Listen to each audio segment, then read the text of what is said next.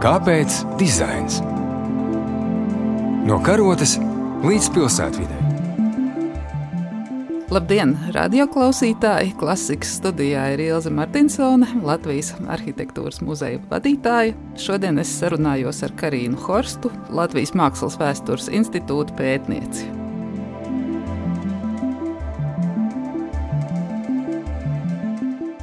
Gribu vispirms iepazīstināt ar Karinu, jo Karina bija zvaigzne jau studiju laikā. Es atceros viņas ienākšanu profesionālajā mākslas vēstures telpā. Viņa bija saņēmusi studiju laikā vairākas stipendijas.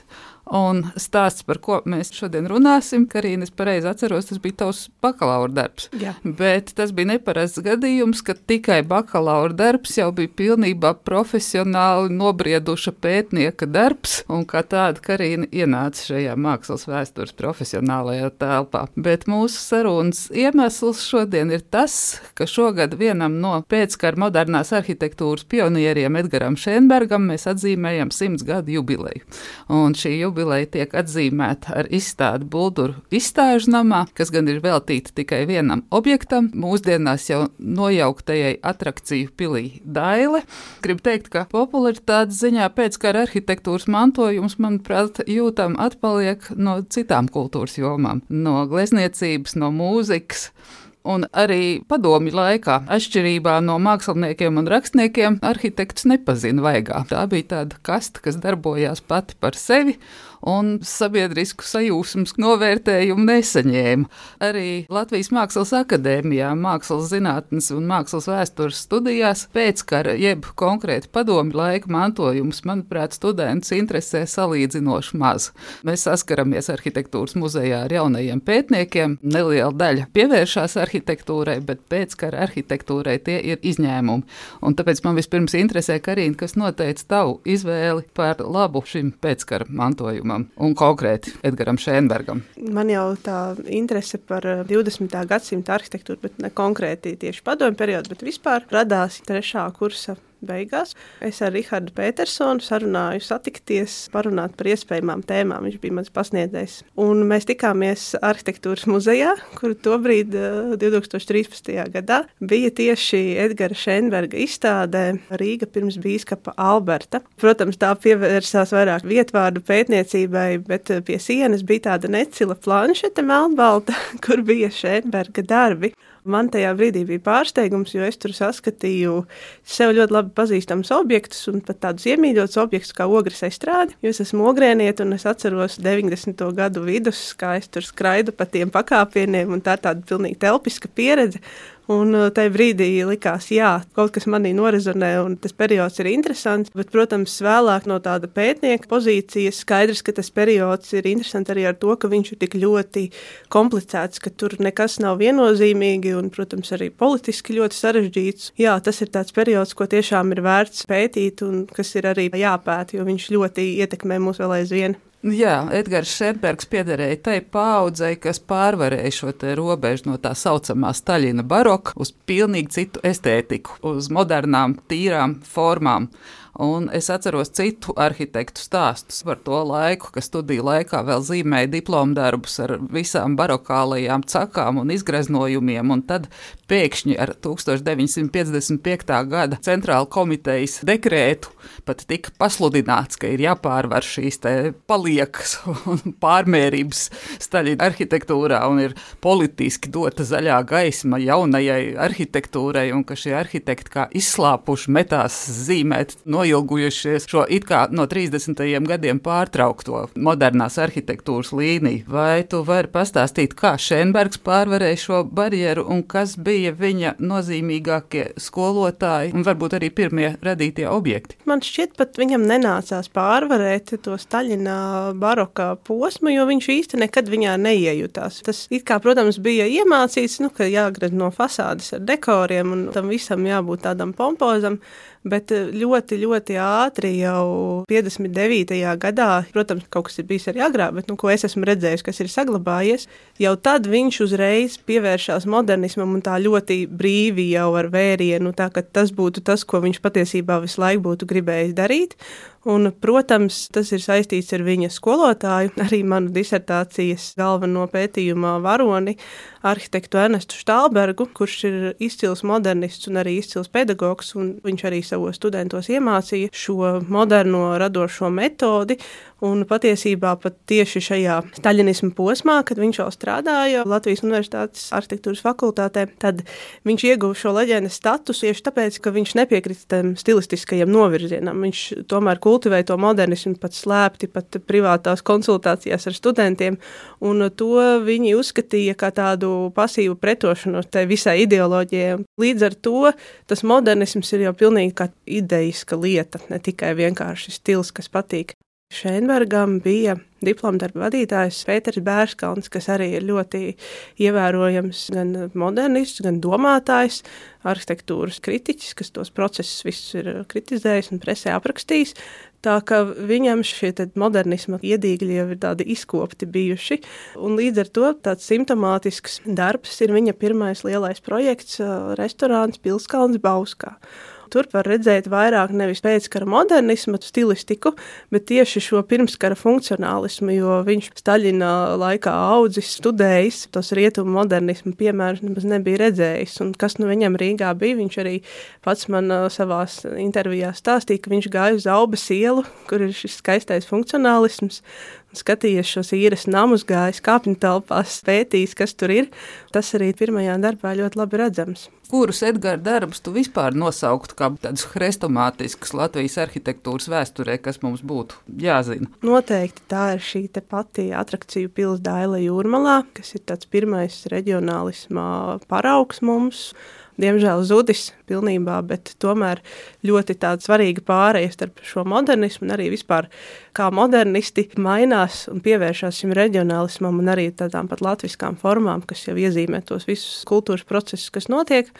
Un otra būtu arī klidziņa, pilnīgs, tāds skaists, tīrs modernisms, tāds lekorbizjē ar visiem paceltajiem, stiklotajiem apjomiem. Bet, protams, tas, kādu padomju būvniecības kvalitāti viņu realitātē realizēja, tas ir pavisam kas cits. Un, protams, tagad arī pilnīgi pārbūvēta un, var teikt, izkropļota celtne jā, tā ir tā realitāte. Man jāpaskaidro jaunākās paaudzes klausītājiem, ka klidziņa tas ir slavens restorāns šosejas malā, kādreiz restorāns skrīveros, tas sākotnējais nosaukums, kam vispār cilvēki nebrauc garām. Tur stāvēja automašīnu rindas, un tā bija tāda kulta vieta.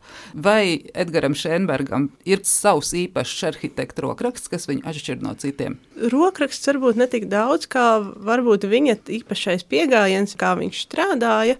Pirmkārt, viņš izceļas kā atpūtas un izklaižu arhitektūras eksperts, kā speciālists šajā jomā, jo viņam ir šīs estrādes, attrakciju pilsēta, kafejnīca, restorāni, ļoti daudz tāda veida arhitektūra un arī daudz kas no tā tapa kā blakus darbi, jeb tā saucamās haltūras. Tātad eh, šajā oficiālajā vidē viņš īsti nevarēja to savu radošo potenciālu izpildīt, līdz ar to viņš meklē blakus darbus. Turklāt viņš arī ļoti, ļoti labs organizators arī pat stāstot tajās atmiņās, tas uh, uzsvers bija ne tik daudz uz to māksliniecisko lidojumu, kā ar ko kas ir sarunāts, kādā veidā ir tur alumīnija plāksnītes, piemēram, sadabūtas. Un tas viss ir tieši tā komunikācija, tā sagādnieka, aģitatora, organizatoriskā puse. Tā viņu ļoti, ļoti aizrāva. Un tā tad padomju laikos, protams, bija vajadzīga, lai kaut kāds kvalitīvs rezultāts būtu. Jā, organizators, eh, radošā brīvība, komunikācijas brīvība, tā viņu raksturo, bet nu, no tādiem formāliem aspektiem tas ir viņa paša teiktais, ka viņš grib, lai tās ēkas atstāja nospiedumu uz zemes.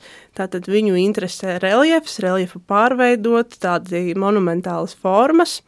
Un viņam tāds raksturīgs bija formāls kontrasts, vai nu tonāls kontrasts, vai starp materiāliem, vai tāds plastisks, starp gludām virsmām, uzridinātām virsmām. Tas it kā ir tas viņa raksturīgākais.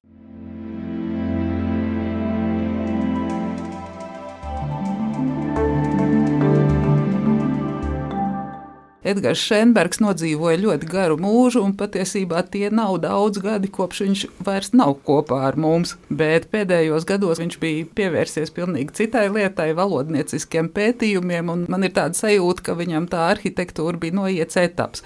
Bet tomēr savu darbu rakstot, to ar viņu diezgan daudz kontaktēju un droši vien atgriezu viņu šajās domās par kādreizējiem darbiem, vai viņš stāstīja, kas viņam ir ļoti būtisks vai kāds tieši no šiem viņa radītajiem objektiem ir radījis kādu pagriezienu punktu. Kādas bija šīs sarunas? Sarunas bija ļoti sirsnīgas un intelektuāli piesātnās. Viņu iepazinu 90 gadu vecumā.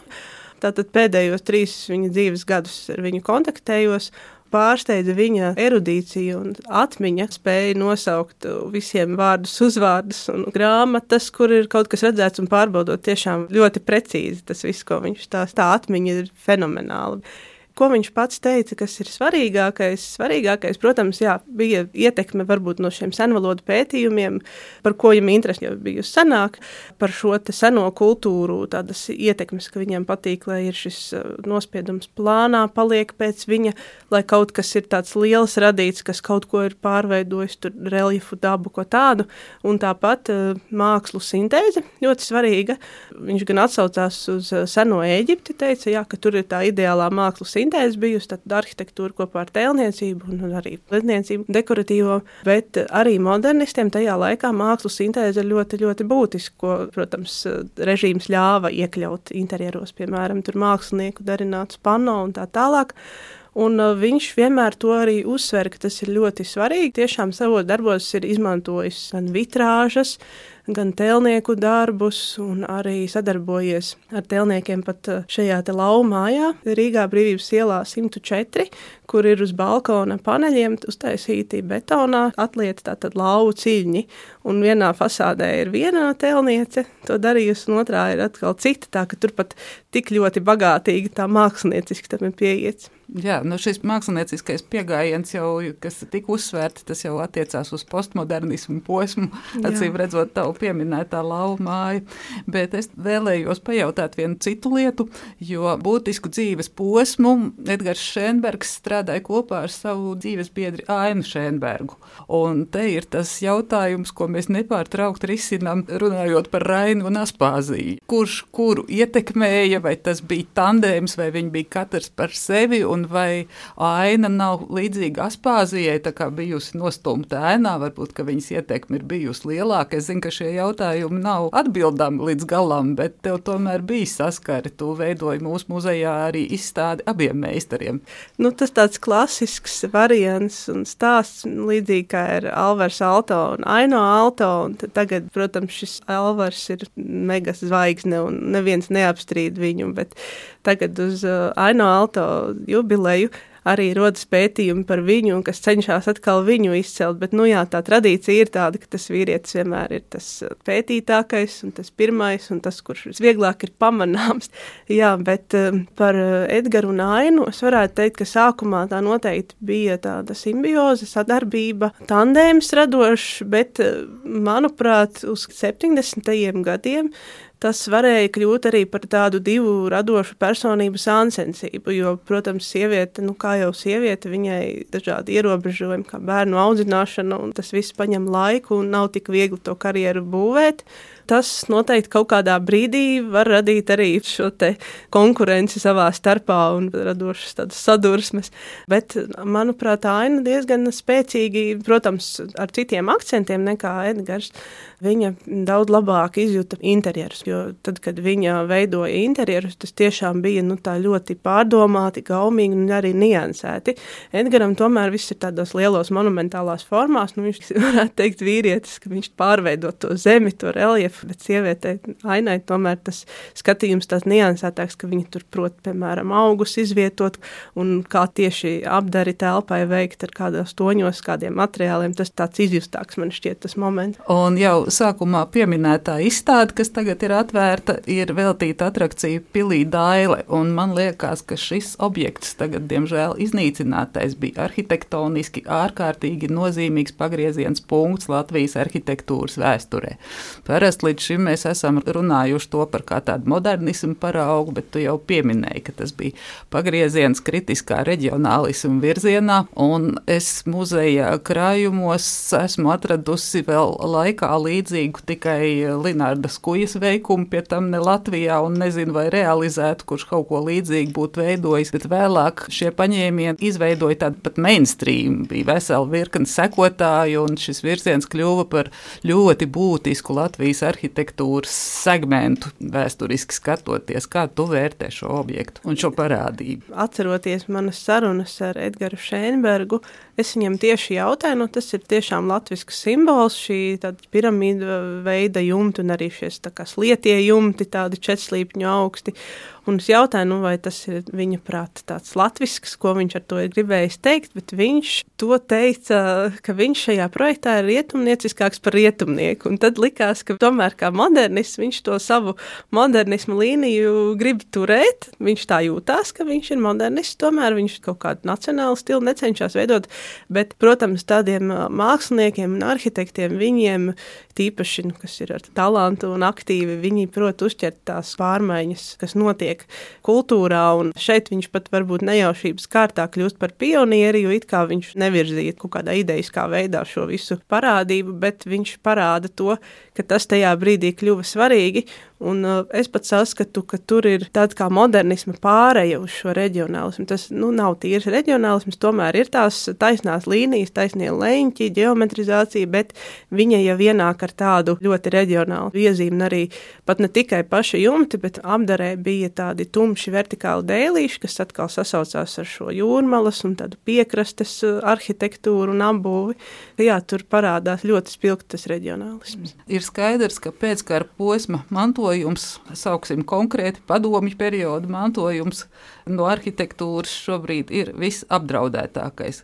Nav notikusi pilnīga tā izvērtēšana. Mēs esam vēl pašlaik vērtību apzināšanas procesā, nu, un šajā apzināšanas procesa laikā tie objekti viens pēc otra aiziet.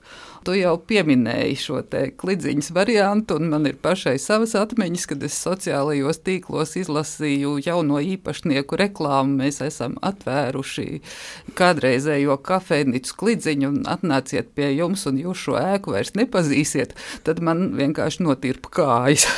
man nelikās, ka šī reklāma ir pozitīvi rosinoša. Vai tev vispār ir zināms kāds Šenberga objekts, kas ir nu, nosacīts ar minimālām bezbūtiskām izmaiņām veidolā saglabājies šodien? Jā, nu tādu ir tiešām grūti atrast, jo tik tiešām ir tā sajūta, ka nesen strādājis arhitekts tie nav tur pirms simts gadiem, un ļoti grūti atrast objektus, kas nebūtu nojaukti vai pārbūvēti, bet eh, divi ir tā nosacīti. Viens no tiem ir eh, Natālijas draudziņas skola, kādreizējā Rīgas 7. vidusskola, bet nu, tagad jau viņa ir nosiltināta. Bet, nu, protams, paši šie monumentālie apjomi, tas ir saglabājies. Bet, protams, jau šīs izmaiņas un plasmas slogi, tas viss jau ir redzams. Un otrā ir lauva māja, saucamā. Tā gan ir saglabājusies ar visiem ķieģeļiem un, un skaistajām lauvām. Tas ir tāds tiešām interesants objekts, ko var paskatīties. Tieši kāds ir tas Šenberga rokraksts. Jā, nu jāsaka, ka tā arī laikam ir viena no tādām pēdējām lielākām šiem būvēm. Šis objekts ir jaunāks par citiem un attiecās tieši uz postmodernismu posmu. Bet no tā tīrā modernisma mēs, diemžēl, vairs neko īsti nevaram redzēt. Diemžēl. Nu jā, un mūsu sarunas noslēgumā, Karīna, kādi ir tavi nākotnes plāni par tālākiem pēckara arhitektūras pētījumiem. Tu jau pieminēji savu disertāciju, ko tu tūlīt ar lielu pompu aizstāvēsi. Es ļoti ceru, ka tev plānā ir arī grāmata par Šenbergu, ja tu par to vēl nevēlētos runāt. Šenbergu grāmatas formātā es nedomāju, es domāju par Štalbergu grāmatas mm. formātā, bet nākamais tieši par pēckara arhitektūru man stāv jau kā Mākslas vēstures institūta pētniecei priekšā darbiņš pie mūsu mākslas mākslas vēstures sējumiem, un sastais sējums ir veltīts padomju periodam, un tur nu, man būs jāraksta padomju arhitektūras vēsture. Tas būs tāds jauns posms, kas atsparoties no Štālberga kā pedagoga, zinot viņa skolniekus, studentu darbus, skatīties to, kā tas viss tālāk attīstās, kā tas modernisms parādās. Jā, kā mēs arī nonākam līdz postmodernismam un pēc tam arī līdz Latvijas Republikas neatkarības atjaunošanai. Gaidīsim šo lielo vareno pētījumu, kas varbūt kaut ko palīdzēs mainīt mūsu apziņā attiecībā uz pēckara arhitektūras mantojumu. Paldies tev par sarunu! Klasikas studijā bija Ilza Martinsone un Karina Horsta. Redījums ir tapis ar valsts kultūra kapitāla fonda atbalstu. Kāpēc dizains? No karotes līdz pilsētvidē. Pirmdien, 9.5. ar atkārtojumu sestdien, 18.18. 18.